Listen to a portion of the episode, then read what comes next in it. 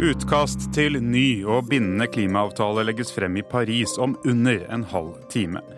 De vet ikke selv, men mye i avtalen kan handle om ungene i Kirbi-slummen i New Delhi. Hvem skal sørge for at de har et godt lys å lese leksene i?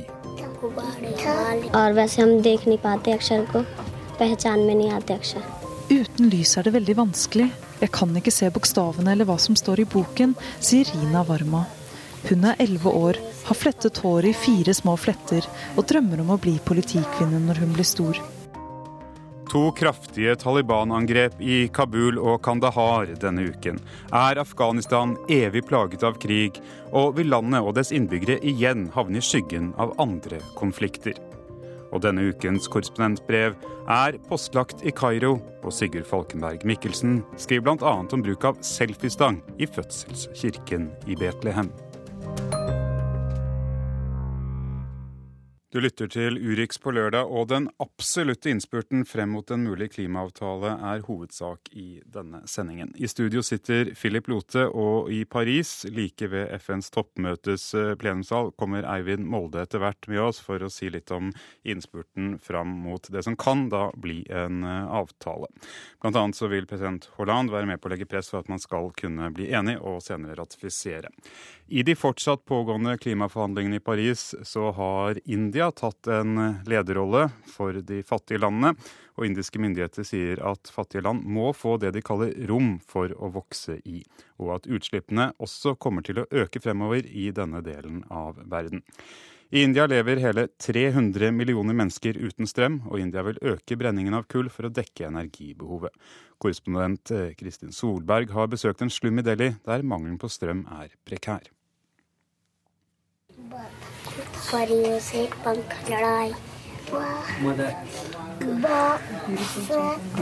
I et bitte lite rom sitter fire barn og leser lekser på hindi, med skolebøkene oppslått på fanget og nakkene bøyd. Det er kveld, og utenfor er slummen ved navn Kirby Place mørk.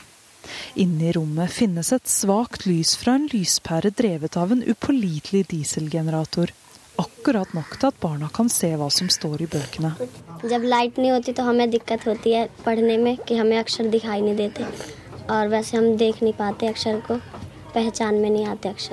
Uten lys er det veldig vanskelig. Jeg kan ikke se bokstavene eller hva som står i boken, sier Rina Varma. Hun er elleve år, har flettet håret i fire små fletter og drømmer om å bli politikvinne når hun blir stor. Men for å bli det, må hun først bli ferdig med skolen, og det er ikke sikkert at hun blir det. Mange andre av barna i slummen her får skolegangen avbrutt. Det største problemet er at slummens innbyggere er blant Indias 300 millioner mennesker som lever uten elektrisitet. Det er ikke lett å gjøre lekser i mørket. Og dieselgeneratoren som gir strøm nok til en enkelt lyspære i noen timer om kvelden, bryter sammen i ett sett. Noen ganger er den ute av stand i mange dager i strekk. I skolen med जैसे हम याद करके नहीं जाते तो मैडम भी डांटती है हमें और हम याद नहीं याद करेंगे तो हमें मैम कुछ कहे, कहेगी भी नहीं Hvis vi kommer på skolen uten å ha gjort lekser, får vi kjeft av læreren. Hvis vi bare hadde kunnet gjøre lekser, ville vi hatt færre problemer, og vi kunne ha fått gode karakterer, sier Rina. hun har ikke før sagt det, før generatoren bryter sammen nok en gang.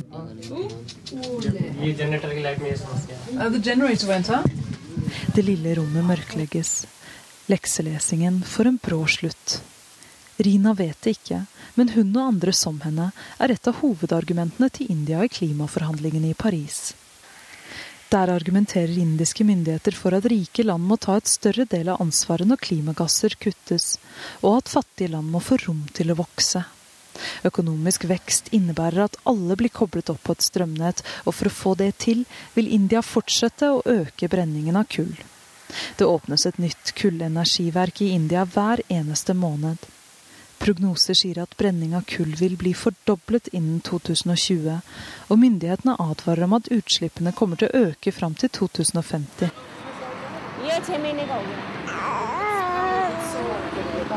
For innbyggerne i Kirby Place er det viktig å få elektrisitet.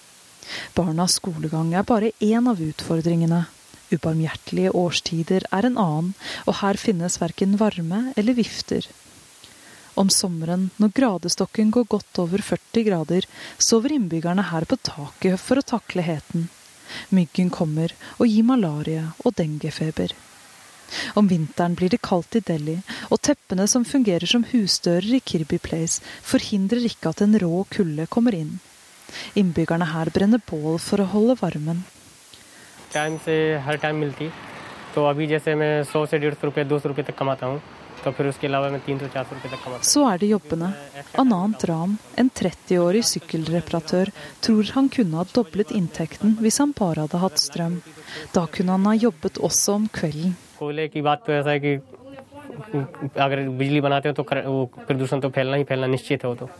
Men han tror ikke at kullenergi er veien å gå.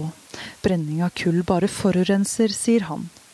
Likevel, noe må gjøres, og det snart, for dette er ikke et liv som er et menneskeverdig. Her, sier han, lever mennesker som om de er insekter. Deres liv er ubetydelige. Kristin Solberg med et fra slummen i Delhi. Og Eivind Molde, du er med oss eh, fra like utenfor plenumssalen på toppmøtet i Paris. Eh, om noen eh, i underkant av 20 minutter så legges altså denne avtalen, eh, forslag til avtale frem, og hva vil skje? Det som skjer er akkurat nå her at folk strømmer inn i den store plenumssalen. Eh, massevis av mediefolk er på plass utenfor med kamera, og delegatene går inn. Eh, halv tolv skal eh, Hollande, eh, president Hollande holde tale. Han var jo her på den store åpninga mandag 30. da dette møtet begynte for nesten to uker siden. Han er tilbake nå for å legge press på partene om at de skal slutte seg til og si ja til den avtalen som nå blir lagt fram. Så Hollande skal tale, generalsekretær i FN Ban Ki-moon skal tale, og så skal teksten legges fram. Og Da blir det spennende å se om den vil få tilslutning i løpet av det møtet som da starter klokka halv tolv, eller om det blir nødvendig for de ulike gruppene av land å rådføre seg og diskutere teksten mer detaljert og så kanskje komme sammen igjen til et møte senere i dag. Men dette er helt uvisst. Frankrike er veldig innstilt på at nå skal dette bankes igjennom så fort som mulig. Det er take it or leave it nå eh, som eh, flere politikere har uttalt her i Paris. Og vi hørte her i innslaget eh, litt før at uh, India har jo flagget at de ønsker å bruke mer fossil energi, og at det er helt nødvendig for, for å få den utviklingen de ønsker. Og det er en stor økonomi, en raskt voksende økonomi. Hvordan vil Indias hensyn og lignende lands hensyn uh, bli tatt med i denne avtalen, tror du? Ja, Det er jo et veldig viktig punkt i avtalen og et tilbakevendende punkt år etter år som en ennå ikke har løst. Eh, India og mange, er jo sammen med mange andre framvekstende økonomier definert som et eh, utviklingsland.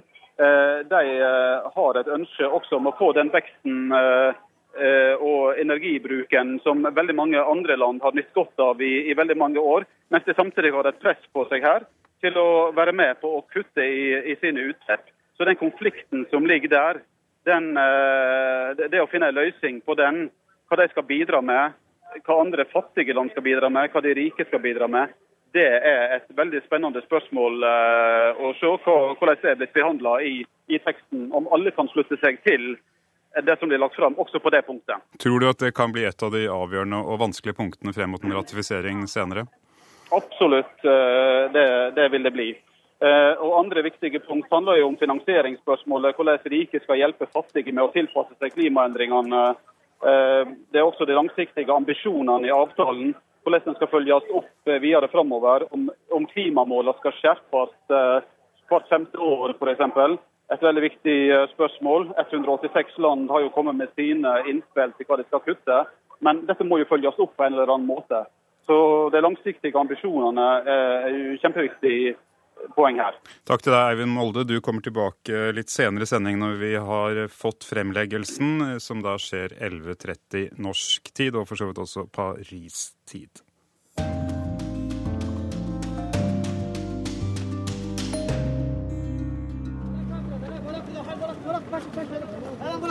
Det du hører her, er ansatte i Kabuls park- og rengjøringsetat feie gatene etter det som er et nytt blodig angrep i den afghanske hovedstaden.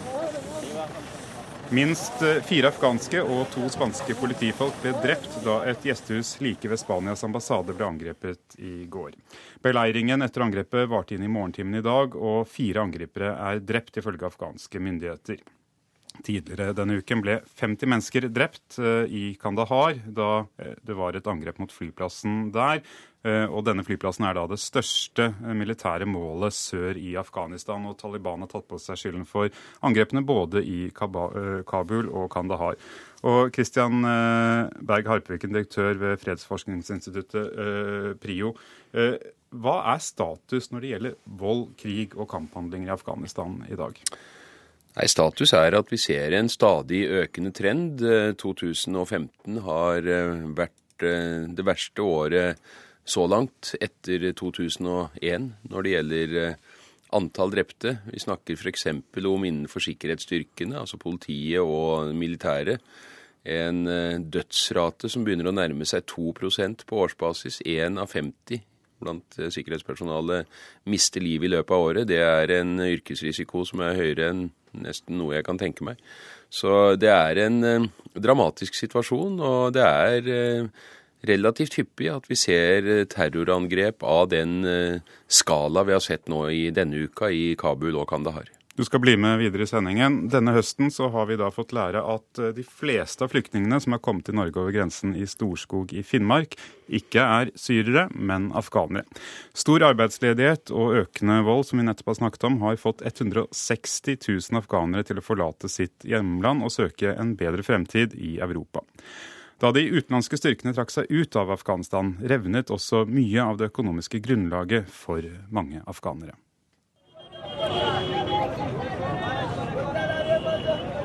På et gatehjørne i Kabul står det en gruppe menn og venter. Venter på at noen skal komme og tilby dem en jobb. En jobb som kanskje bare gir de afghanske arbeiderne inntekt i en dag eller to. Men alt er bedre enn ingenting. Det er ingen jobber her i landet, klager Meya Jan, og peker på hva det kan føre til. Noen av våre ungdommer som ikke får arbeid, kommer til å slutte seg til Taliban eller IS-grupper. Folket vårt ga sine stemmer til president Ashraf Ghani, men i dag er det ingen som hører på våre problemer. Det er ingen som bryr seg om landet vårt, sier han til nyhetsbyrået Ap. Vi ber om at regjeringen skaper arbeidsplasser for folket. Myndighetene må bygge fabrikker der vi kan jobbe, for vi er lei av å være arbeidsløse, sier mureren Mohammed Yakub. Hva skal vi gjøre, spør han. På tomta til byggeentreprenøren Omid Gardisi i utkanten av Kabul har de startvansker med en traktor. Rundt 50 anleggsmaskiner står parkert tett i tett. De har ikke vært brukt på en stund. Oppdragene forsvant med de Nato-ledede styrkene. Det går dårlig med businessen nå. Vi er avhengig av utenlandske selskaper og utenlandske styrker. Men siden utlendingene dro fra Afghanistan, går det bare verre og verre for oss, sier selskapets eier Dilaga Mossavi. For tre år siden hadde han 25 ansatte. Da var det 140 000 utenlandske soldater i Afghanistan. Nesten 90% av dem er borte nå, og Mosavi har bare jobb til tre mennesker. Hvis det fortsetter slik, blir vi nødt til å selge maskinparken til andre land, sier han. Det gikk så det suste på afghanske fabrikker for bare noen få år siden. Tusenvis av afghanere nøt godt av afghansk først-politikken til de utenlandske styrkene. Da skulle man kjøpe varer og tjenester fra lokale selskaper der det var mulig. Målet var å støtte afghansk økonomi og sysselsetting, vinne hjerter og hoder, som de sa. Milliarder av dollar i militære inntekter og bistand er borte nå. Kabul er full av forlatte byggeplasser med halvferdige bygninger.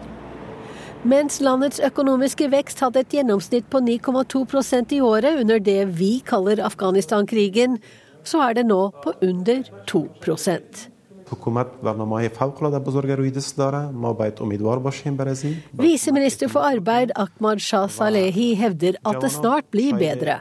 Regjeringen starter opp ekstraordinære programmer for å skape arbeidsplasser. Vi må ha håp og tro på regjeringen, bønnfaller han. Den yngre generasjonen kommer til å oppleve jobbmuligheter i fremtiden. Så mitt budskap er at de ikke må forlate landet. Det er ikke noen løsning å dra herfra, sier han. Men det er akkurat det de gjør. Flere enn 160 000 afghanere har dratt fra økende arbeidsløshet og vold til Europa i år. Og en stor del av dem er de unge og ressurssterke som Afghanistan trenger for å få landet på fote igjen. Ja, Kristian Berg Arpviken, direktør ved Privo fredsforskningsinstituttet. Har, eh, lider Afghanistan av et slags militært industrielt kompleks? Ja, i dobbelt forstand for så vidt. Altså, det, ene, det, ene, er jo selvfølgelig at her er det veldig mye av eh, fokuset, virksomheten og politikken som er knytta til eh, militære tiltak. Og så har man nå altså det som nærmest lenge er en økonomisk resesjon, som er et resultat av den eh, internasjonale uttrekninga. Det kommer jo godt fram i reportasjen her. Det som er et mysterium, er jo da hvorfor eh, hele det internasjonale samfunnet og den afghanske regjeringa faktisk ikke var forberedt på dette. Man trodde helt på alvor at eh, den internasjonale uttrekninga ikke ville ha store økonomiske konsekvenser. Det ble lagt fram fyldige rapporter om dette. Men jeg vil jo si at enhver som har litt grann bakkefølelse, vil innse at når 150 000 soldater og hundretusener av andre utlendinger, som alle er avhengig av afghanske firmaer for tilførsel av alt fra drivstoff til eh, drikkevann og mat eh, trekker seg ut nesten samtidig, så har det en stor effekt på en såpass begrensa økonomi som den afghanske. Og Samtidig som da økonomien eh, går nedover, så reiser president Ashraf Ghani til Islamabad for å forsøke å få liv i fredsforhandlinger. Og parallelt med dette to angrep, store angrep eh, i Afghanistan. Er de i ferd med å bli en konflikt som kommer i skyggen av eh, andre store konflikter i Irak og i Syria, og som er langt verre enn det vi tar inn over oss? Ja, det er allerede en konflikt som har havna i skyggen. Og vi ser jo, gjenkjenner jo delvis det i president Ashraf Ghanis retorikk òg. Han har eh, lenge, i hvert fall gjennom de siste 12-18 månedene, ganske desperat forsøkt å trekke oppmerksomheten mot Afghanistan ved å, eh, ved å jeg vil si overdrive betydningen av eh, IS sin fremmarsj i Afghanistan. For han tenker nok at det er den eneste muligheten til virkelig å eh, opprettholde en internasjonal, en internasjonal interesse for landet. Og så er det jo riktig at han har strekt ut en hånd til nabolandet Pakistan. Åpenbart det nabolandet som har vært tyngst involvert i Afghanistan de siste 30-40 årene, og ikke på en veldig hjelpsom måte.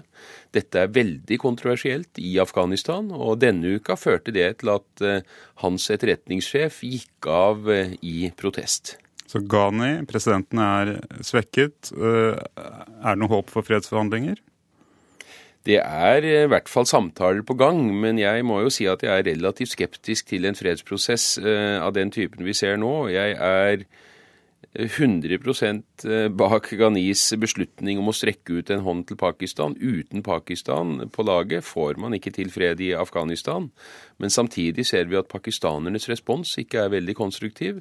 Nå er det altså den pakistanske etterretningstjenesten som i realiteten eh, sitter ved enden av bordet som fredsmegler når samtalene foregår mellom eh, Taliban og den afghanske regjering.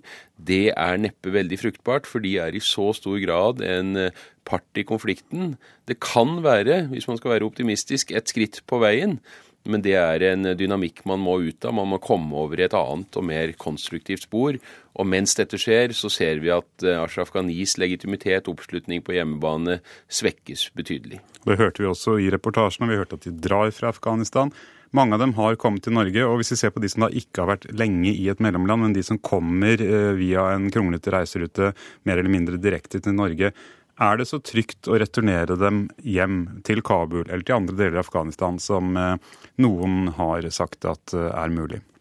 Altså Sikkerhetssituasjonen i Afghanistan er eh, utvilsomt utfordrende, og den er utfordrende overalt. Og jeg tror ingen kan si at det er risikofritt for noen av disse å returnere. Så vi snakker jo om gradsforskjeller, og vi snakker jo også om hvorvidt en person som er fra la oss si Faryab i Nord-Afghanistan og kanskje er utsatt der, kan være trygg i Kabul. Det er ikke noe enkle svar på dette. Men eh, jeg tror nok at veldig mange av de afghanerne som kommer her, de er ikke nødvendigvis utsatt i øyeblikket. Det de virkelig er redd for, er hva framtida vil bringe. De ser, eh, de ser, det vi var inne på, den politiske situasjonen blir verre. Sikkerhetssituasjonen kan fort bli verre. Kanskje er dette landet i en eh, altomfattende borgerkrig i løpet av 6 eller tolv eller 24 måneder. Så framtidsutsiktene er nok det som driver veldig mye av flukten fra Afghanistan nå. Og det er jo noe som paradoksalt nok eh, vår utlendingsforvaltning ikke tar inn i eh, sin kalkyle. Takk til deg, Christian Berg Hartvigen.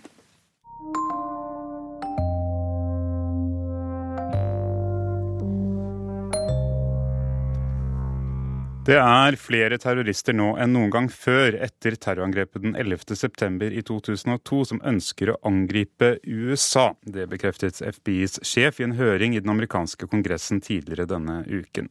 Donald Trump har resepten klar. Nekt alle muslimer adgang inntil videre.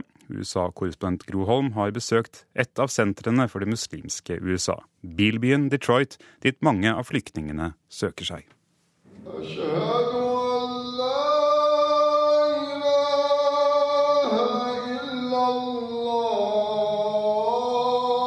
Det kalles inn til kveldsbønn i den muslimske enhetsmoskeen utenfor Detroit.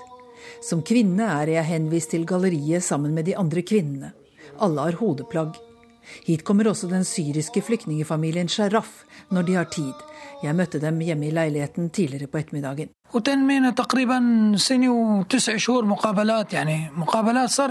Faren, Amir Sharaf, forteller at de brukte ett år og ni måneder på å bli godkjent som flyktninger til USA. Da hadde de allerede brukt over et halvt år på å komme seg fra hjembyen Homs til Jordan, og et års tid der før de fikk kontakt med FN og folk som kunne hjelpe dem videre. Mellom 18 og 24 måneder for å klarere en flyktning er regnet som gjennomsnittstid her i USA. Mange terrorister blant flyktningene? Ikke tale om, sier Amir. Det er umulig for terrorister å slippe gjennom den bakgrunnssjekken vi opplevde, mener Amir. Men det er ikke bare Donald Trump som ikke slår seg til ro med det.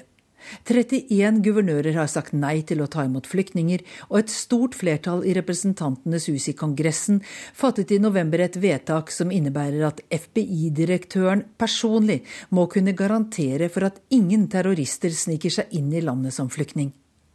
Onsdag stilte FBI-direktør James Comey til høring i Senatets justiskomité, og der fikk han spørsmål om realismen i en slik garanti. Could I certify to there being no risk associated with an individual? That practically would be impossible. Would it, so it would make our refugee program impossible also. Kan jeg garantere at det ikke er risiko forbundet med ett konkret individ? Det vil være praktisk umulig, ville det også gjøre flyktningepolitikken vår umulig, spurte senator Lehi. Ja, logisk sett, hvis forutsetningen er at jeg kan garantere for alle, da er den umulig, svarte FBI-direktøren. Litt senere ville senator Lindsey Graham vite om FBI-sjefen er enig i et utsagn om at det er flere terrorister som truer USA nå enn like etter terrorangrepet 11.9. for 14 år siden. With men, equipment, and safe havens, along with desire to attack the American homeland anytime since 9 11. I agree. Men kommer trusselen fra flyktninger, eller utgjør kanskje selvradikaliserte muslimer født i USA og andre ikke-muslimske terrorister et større problem? Saeed Farouk, som sammen med kona drepte 14 mennesker i California for vel en uke siden, var født her. En opptelling foretatt før det siste angrepet viste at hvite rasister eller antiregjeringsfanatikere sto bak nær dobbelt så mange drap som muslimske terrorister her i USA i årene etter 11.9. Tilbake til Detroit-området. Iman Abdul Razak er selv syrer og direktør for Flyktninghjelpen i Michigans muslimske råd. Vi snakker om hva de gjør for å integrere nykommerne, i alt 40 familier til nå. They have to be dispersed. So legally, um. De må bosettes spredt. Det er ikke lov å bosette dem samlet i ett område. Hensikten er å sørge for integrasjon, sier Iman, en ung kvinne som bærer skaut selv hjemme på kjøkkenet pga. NRKs mannlige fotograf. Men området i og rundt Detroit har en stor muslimsk befolkning. Mange av dem innvandrere fra Jemen, Syria, Libanon og Pakistan. Det finnes et nettverk som hjelper flyktningene med å finne seg til rette. And so they're helping them make sure that they're signing up in schools. All of them have signed up for English as a second language classes. De sørger for at alle melder seg på skolen og klasser i engelsk. 75% av flyktningene har fått jobb, og det tar ikke lang tid før de er assimilert, mener Iman. Vår mann, flyktningen Amir fra Syria, kom f.eks. i august og har allerede nå fått jobb på en av Fords bilfabrikker. I småbyen Hamtramik, som ligger som en forstad til Detroit, er flertallet i bystyret nå muslimer. I 1970 var ni av ti innbyggere i Hamtramik av polsk avstamning.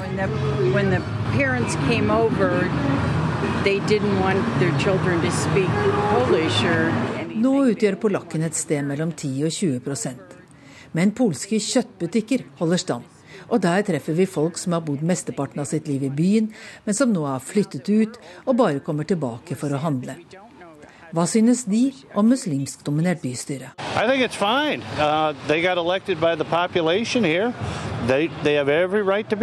Jeg synes det er fint, sier Dennis Peters. De ble valgt av folket og har all rett til å være her. Hvis de ikke gjør en god jobb, så er det jo bare å stemme dem ut igjen. Det er sånn det fungerer her.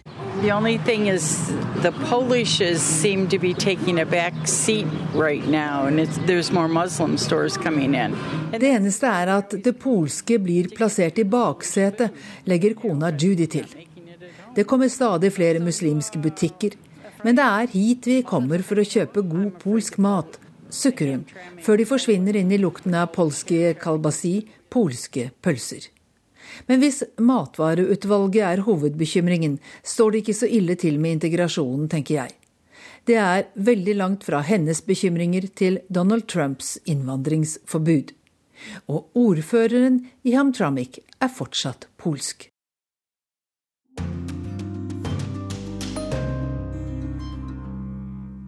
Klokken har akkurat passert 11.30. Eh, du lytter til Urix på lørdag på NRK P2. Og akkurat nå legges eh, et utkast frem til en bindende klimaavtale i Paris eh, frem. Og Francois Hollande, den franske presidenten, skal holde en tale hvor han forsøker å få landene som deltar på konferansen, til å forplikte seg til denne avtalen. Og vi kommer tilbake til dette litt senere i sendingen.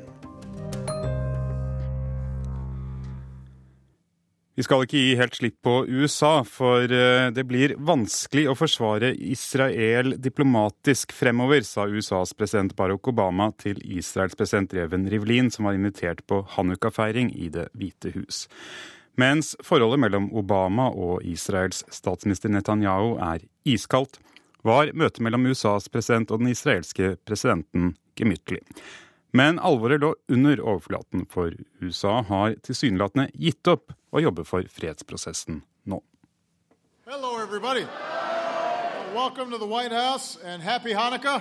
President Barack Obama ønsker Israels president Ruven Rivlin hjertelig velkommen til Hanukka-feiring i Det hvite hus. Vi joined by Israels president, uh, President Rivlin, den gode tonen de to imellom er en sterk kontrast til den dype mistilliten mellom Obama og Israels statsminister Benjamin Netanyahu. Rivlin sa at Israels utenrikspolitikk er basert på tre prinsipper. Israels forhold til USA, forholdet til USA og forholdet til USA. Et forhold som nå er inne i en kritisk fase. For bak lukkede dører luftet Obama sin frustrasjon over å sende enorme bidrag i militærhjelp til Israel, og samtidig ble sett på som en fiendtlig innstilt president av statsministeren og andre regjeringsmedlemmer. Og nå har også den tålmodige utenriksministeren John Kerry gitt opp Netanyahu. Da Netanyahu var i Washington i november, lovet han at han ville jobbe for fred, og tilbød seg å komme palestinerne i møte på flere punkter. Men da John Kerry skulle følge opp løftene to uker etterpå i Jerusalem, gikk Netanyahu tilbake på alt han hadde lovet. Og da Kerry kom tomhendt til palestinernes president Mahmoud Abbas i Ramallah, var Abbas helt uinteressert i å snakke. Ifølge avisen Haaretz ringte en frustrert Kerry til Netanyahu og sa jeg er tom for ideer. All vår tigging og alle våre forsøk på overtalelser har ikke hjulpet, sa en av Kerrys rådgivere til avisen. USA har gitt Israel militærhjelp for nesten 30 milliarder dollar de siste ti årene. Nå vil Israels regjering at USA gir militærhjelp for 50 milliarder dollar, altså 300 milliarder kroner, de kommende ti årene. Men Obama-administrasjonen mener at 40 milliarder dollar i hjelp får holde. I Det hvite hus er man frustrert over å gi så mye og få så lite tilbake. For de siste årene har Netanyahu motarbeidet president Obama åpenlyst. Han støttet republikanernes kandidat Mitt Romney mot Obama i den siste presidentvalgkampen i 2012. Og han motarbeidet Obama og Kerrys nitidige arbeid for å få til en atomavtale med Iran. President Rivlin tenner hanukka-lysene på den åttearmede lysestaken i Det hvite hus. Ved siden av ham står Michelle og Barack Obama og smiler. Men bak smilene ligger et alvor. Uten noen fredsprosess er det vanskelig for USA å støtte Israel internasjonalt, sa Obama til Rivlin på møtene. Oversatt betyr dette at USA kan komme til å slutte å bruke sitt veto i FNs sikkerhetsråd for å beskytte Israel. Etter Kerrys siste forsøk har vi ikke lenger noen argumenter for å beskytte Israels dalende omdømme, sa Obama ifølge Haaretz. Israels president har ingen formell makt, men pressen skrev mye om hvor irritert Netanyahu måtte være over at rivalen Rivlin fikk feire den jødiske lysfesten i Det hvite hus. For mens Rivlin sang Hanukka-sanger med Michelle og Barack Obama, fikk Netanyahu oppmerksomhet av en helt annen art. For hans nye hund biter folk. For sist onsdag satte hunden Kaja tennene i politikere med følge som besøkte statsministerboligen. Også John Kerry traff og klappet hunden Kaja, men kom fra det uten skader. Langt verre for Kerry var det nok at alle kreftene og alle reisene for å gjenopplive fredsprosessen har vist seg å være forgjeves for nå. Den neste aktuelle avstemningen i Sikkerhetsrådet vil vise om Israel har mistet USAs diplomatiske beskyttelse i FN. Utenriksmedarbeider Sissel Wold. Og vi skal holde oss i denne regionen, for det er en merkedag hos Saudi-Arabia som er en viktig USA-alliert. Der kan kvinner for første gang stemme i et valg. Et lokalvalg og i underkant av 1000 kvinner stiller som representanter til sammenligning stiller ca. 5000 menn. Men hva vil skje i Midtøsten hvis USA mister sin interesse for oljen i området, og særlig Saudi-Arabias olje? Det er ekspertene uenige om, men et faktum er at stadig mer av oljen på verdensmarkedet blir pumpet opp av USA selv.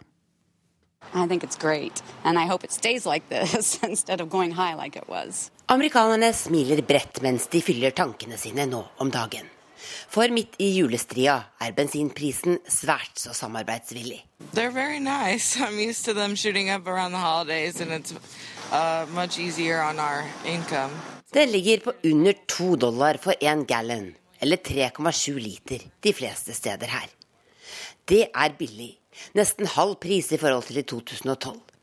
Og det kan fort bli en ny normal, skal en tro kommentator Martin Wolff i The Financial Times. Han mener verdens oljeøkonomi er gått inn i en ny fase, som også kan få store geopolitiske konsekvenser. Den siste måneden har den reelle oljeprisen vært 17% lavere enn gjennomsnittet siden 1970. Oljemarkedet er i ferd med å forandre seg for godt, og amerikansk skiferoljeproduksjon er én viktig årsak, mener Wolf. USA importerer nemlig langt mindre olje enn før pga. sin egen produksjon. Samtidig øker India og Kina sin oljeimport. Og de neste 20 årene vil 60% av den globale økningen i importen av olje komme fra de to gigantene i Asia. Spørsmålet er om Kina og India vil måtte spille en annen og større maktpolitisk rolle i Midtøsten, ettersom USAs oljeinteresser der blir mindre. Det er det mange også her i USA som lurer på om dagen. Også på Wall Street, der El Kaplan og andre analytikere holdt seg fast i går, mens oljeprisen nok en gang stupte. There are estimates that it might hit $20 a, a barrel, right? Unforeseen. People are nervous, and we're seeing that in the markets. USA-korrespondent Tove Bjørgaas tok temperaturen ved både bensinpumper og på børsen i USA. Eh, og Kina kjøper altså 50% av sin olje i Midtøsten, 16% av den fra Saudi-Arabia. Men ikke alle er likevel enig med Martin Wolff i The Financial Times om at dette vil endre så mye av geopolitikken. Øystein Tunsjø er førsteamanuensius ved Senter for asiatiske sikkerhetsstudier på Institutt for forsvarsstudier, og jeg snakket med han litt tidligere.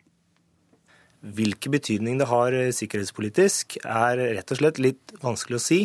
Fordi jeg tror ikke at eh, USAs rolle i Midtøsten vil endre seg eh, så veldig. Selv om de importerer mindre olje i dag fra Midtøsten enn det de gjorde før. Men Vil da Kina basere seg på at USA fortsatt har en interesse i Midtøsten og i å holde regionen stabil, eller vil de måtte spille en større rolle selv? Nei, eh, Kina vil fortsette å være gratispassasjer. Eh, Kina har ingen eh, styrkeprogresjonsevne, hvis man kan snakke om det, hvis du tenker om stabilitet i militær forstand. De har ingen mulighet til å intervenere militært i Irak, f.eks. Men det er også viktig å forstå at olje har ikke vært den viktigste drivkraften bak USAs involvering i Midtøsten i løpet av de siste tiårene. Eh, det er veldig mange andre viktige faktorer som ligger til grunn. Hvis man tror at det var olje, så sto USA med kontrollen i Irak etter Irak-krigen. Eh, men i 2009 så var det kinesiske oljeselskaper som hadde den største eh, produksjonen i Irak. Og det ville aldri amerikanerne tillatt etter at de hadde okkupert et land å gi fra seg en sånn kontroll over oljeproduksjonen til eh, kinesiske oljeselskaper. Hvordan er det Kina driver sitt eh, oljediplomati? Først og fremst gjennom eh, investeringer.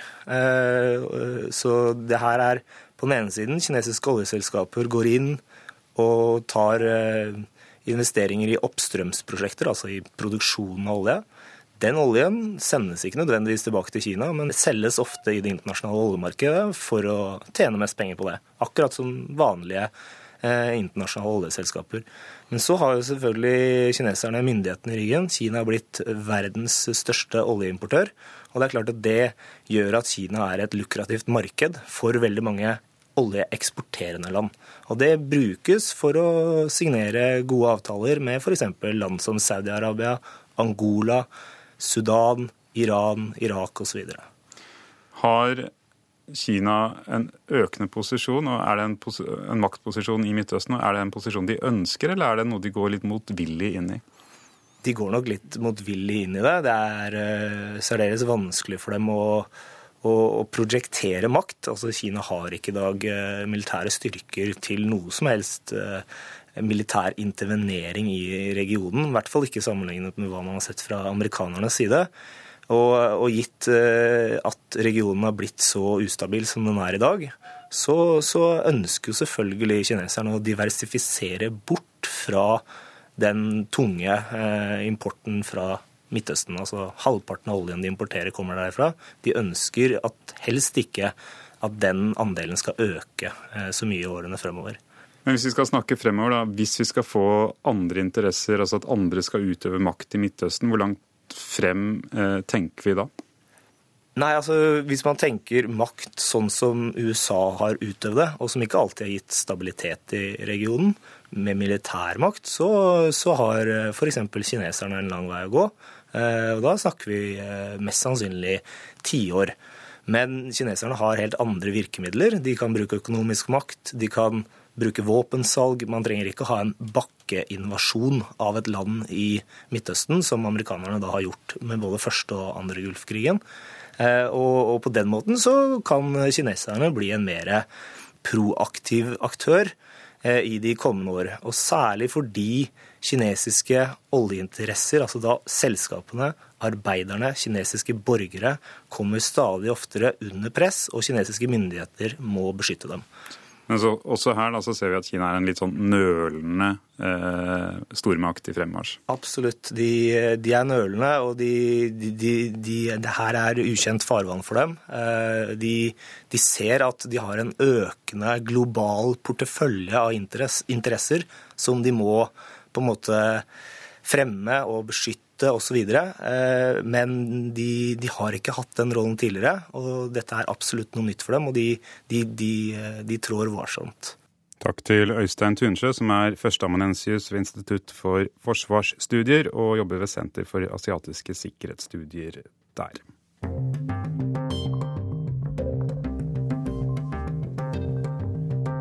Så skal vi til Paris. For uh, ca.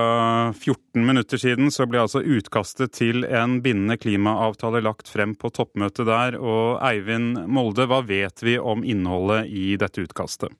Eh, det som er status nå når klokka går imot 11.45, er at uh, møtet har ennå ikke kommet i gang. Det er tradisjon på disse konferansene at ting, ting tar tid. Og plenumsmøtet er ennå ikke i gang. Det som skal skje, er at Francois Hollande skal holde en tale, Ban Ki-moon skal holde en tale, og så blir teksten lagt fram. Så i påvente av at den teksten som alle venter på, blir klar, så sitter jeg her sammen med forskningsleder på Cicero Senter for klimaforskning, Steffen Kalbekken. Og eh, Kalbekken, eh, hva er det vi har i vente nå eh, om få minutter her i Paris? Hva er det som må være besvart i den teksten som formannskapet nå har jobba med? Det som gjensto i går, bl.a. store uenigheter om i hvilken man skal innsyn i hva ulike land gjør. De var uenige om skal man ha noen slags ordning for tap og skade, som kan innebære kompensasjon til utviklingsland. Og det var fortsatt en del uenighet på hvordan man skal sikre at vi hvert femte år får inn nye klimaløfter, og at de stadig blir mer ambisiøse for hver runde. Dette med forholdet mellom fattige og, og rike land, hvor komplisert er det også på dette klimatoppmøtet? Det har jo nesten vil jeg si, dessverre i over 20 år vært kanskje det aller vanskeligste spørsmålet. Det finnes et prinsipp som deler verden veldig tydelig i rike og fattige land, og det har man forsøkt i veldig mange år å myke opp på, sånn at det i bedre grad reflekterer hvordan verden faktisk ser ut i dag. Der det ikke er enkel todeling, men mange ulike graderinger av hvor rik og hvor utvikla landet er. Det er inne i deler av teksten, men det er fortsatt mange utviklingsland som vil tilbake til det gamle prinsippet, som deler verden i to. og Derfor er de misfornøyd med de utkastene som har vært på bordet så langt. Samtidig så er det vel slik at framvekstende økonomier som India og andre, eh, de ønsker jo å ta del i den utviklinga som er nå, eh, samtidig som de har en industriell utvikling, samtidig som de har press på seg til å kutte. Det stemmer. Og det som er interessant å se at En del land sånn som Kina de gjør i praksis veldig mye mer på hjemmebane enn de er villige til å forplikte seg til internasjonalt. Så på mange måter så henger avtalene og diskusjonen her i Paris etter hva som er virkeligheten på bakken. Hvis vi ser på et annet punkt uh, i, uh, i, avtaleteksten, så er det dette med det såkalte togradersmålet. Altså at uh, temperaturen på jorda ikke skal stige mer enn to grader sammenlignet med rundt 1850. nå ser det ut til å komme inn i avtalen et punkt om 1,5 som mål. hvorfor er det viktig? Det er viktig for veldig mange øystater som ser at også to grader vil gi veldig alvorlige konsekvenser for dem. De bekymrer bl.a. for havnivåstigning. De vil ha et mer ambisiøst mål, men 1,5 grad er veldig nært umulig å oppnå i praksis. Ja, for De fleste vet jo at, eh, at nå ligger det jo an til, med de målene som er meldt inn før dette møtet fra 186 land, så ligger det jo an til i beste fall 2,7 eh, grader. Så, så er det i hele tatt et poeng å få inn 1,5 når det er komplett urealistisk? Det hadde vært bedre med et tydelig mål på utslippskutt på kort og mellomlang sikt. At verden visste hvor vi trengte å være om 15 år eller 20 år. Det ser ikke ut til å komme inn. Det er da en del politikere tenker at et signal om 1,5 grad sier i hvert fall at vi burde forsøke å gjøre ganske mye mer enn de forteller i dag. Så selv om de kanskje ikke tror på målet, så tror de at det sender et signal om hvor vi burde vært på vei. Ja, dette med ambisjoner og eh, hva som skal skje framover, oppfølging av avtalen hvert femte år, skjerping av målene, alt dette er også viktige ting. Vi ser i plenumssalen nå at uh, møtet ennå ikke er kommet i gang, men det er nå like før Roland skal gå på talerstolen. Så vi skal bare følge med nå utover på denne spennende dagen eh, her i Paris. Takk til deg, Eivind Molde, og du hadde med deg Stefan Kalbekken, som da er forskningsleder ved Cicero. Og møtet, altså plenumsmøtet hvor avtaleutkast skal legges frem, er altså på overtid.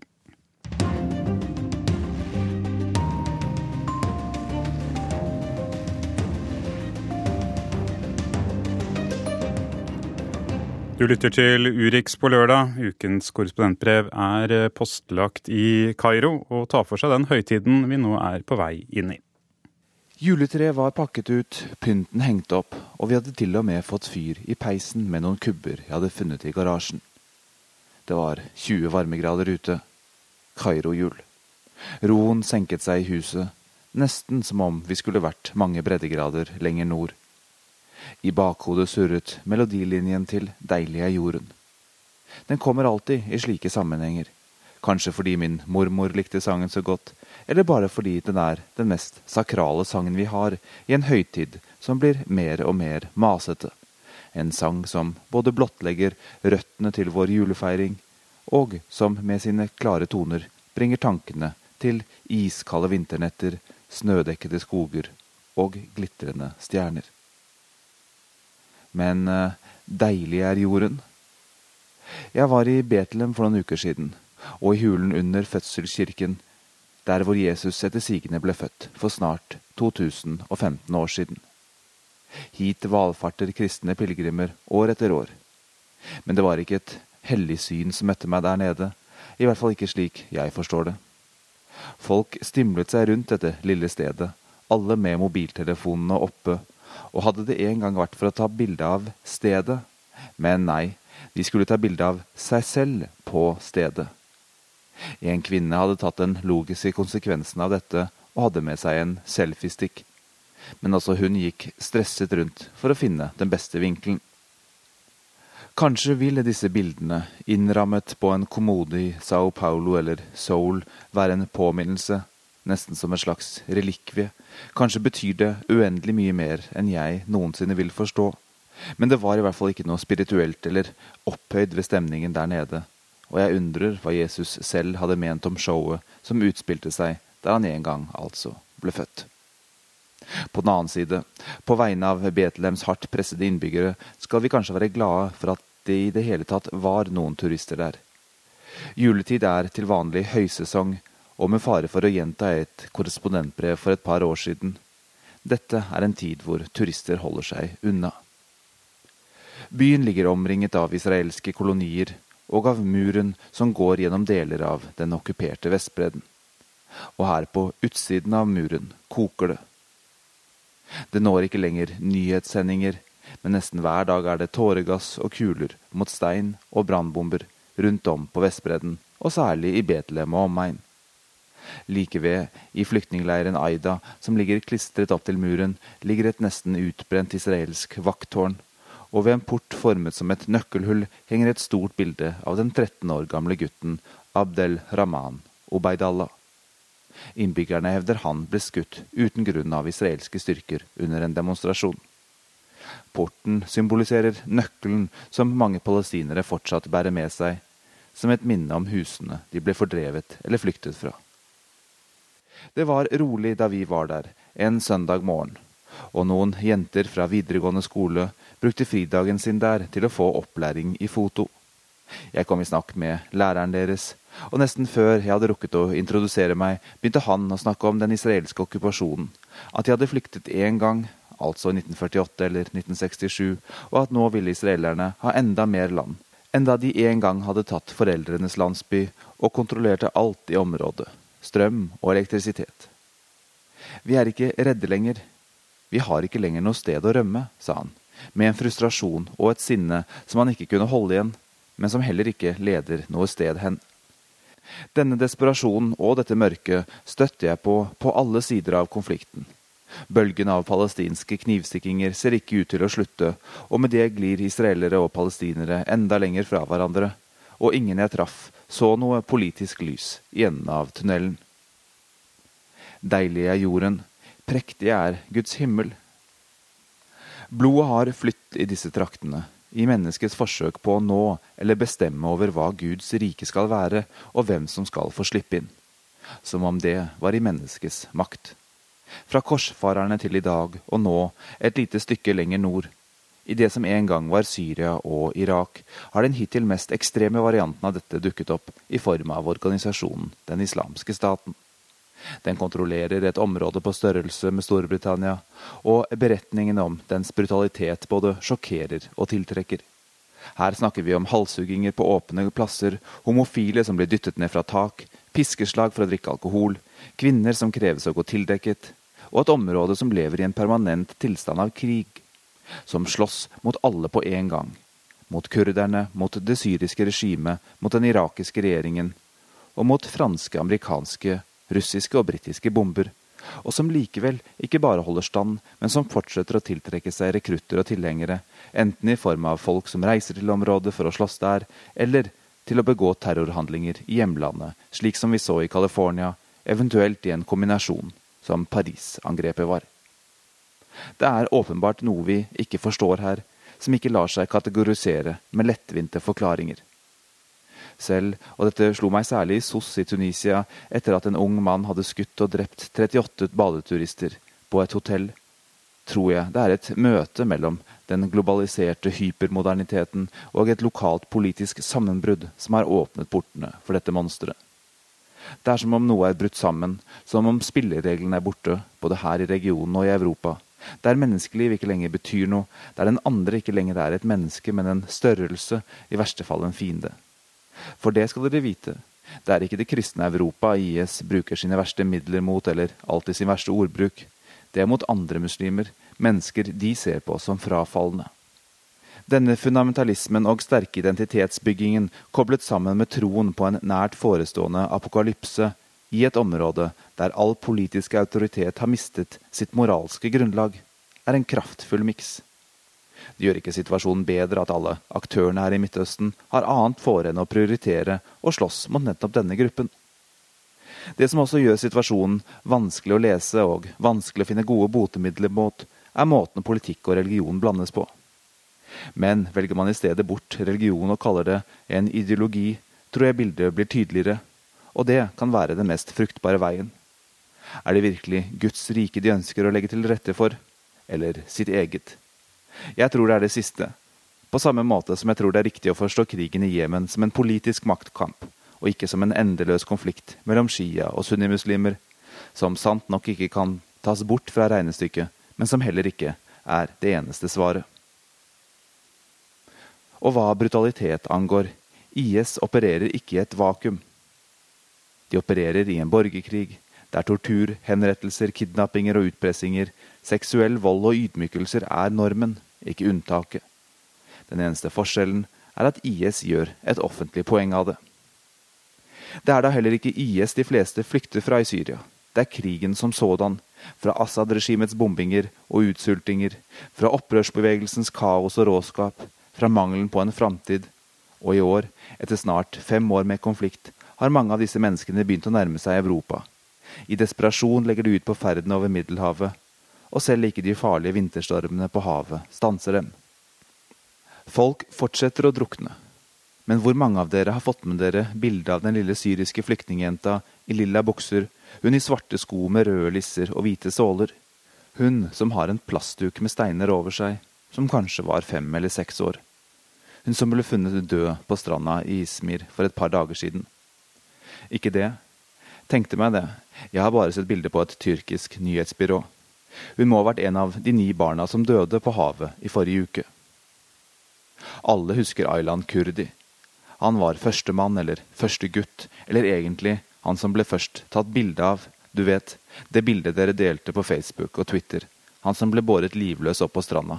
Han var lett å bry seg om, uten at det betyr noe for ham.